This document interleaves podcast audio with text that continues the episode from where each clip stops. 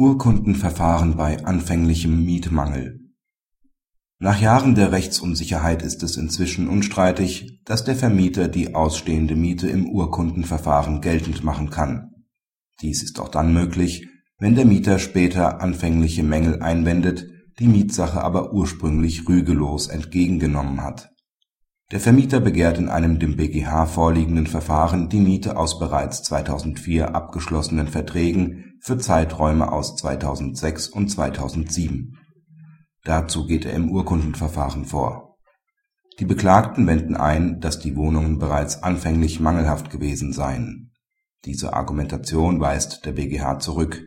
Zwar ist der Vermieter grundsätzlich für die Übergabe einer mangelfreien Sache beweispflichtig, nimmt der Mieter diese aber als Erfüllung an, so trifft ihn nach § 363 BGB die Beweislast dafür, dass ein anfänglicher Mangel vorliegt.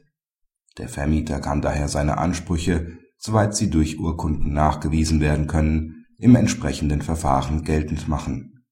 Praxishinweis Das Urkundsverfahren erweist sich immer mehr als starke Waffe in Vermieters Hand. Da sich Mängel in der Regel nicht durch Urkunden nachweisen lassen, ist der Mieter mit seinen Rechten auf das Nachverfahren verwiesen. Ausnahmen gelten freilich dann wenn der Mieter Urkunden vorlegen kann, aus denen sich ergibt, dass der Vermieter das Vorhandensein von Mängeln bestätigt und seine Verantwortung dafür anerkannt hat, zum Beispiel im Besichtigungsprotokoll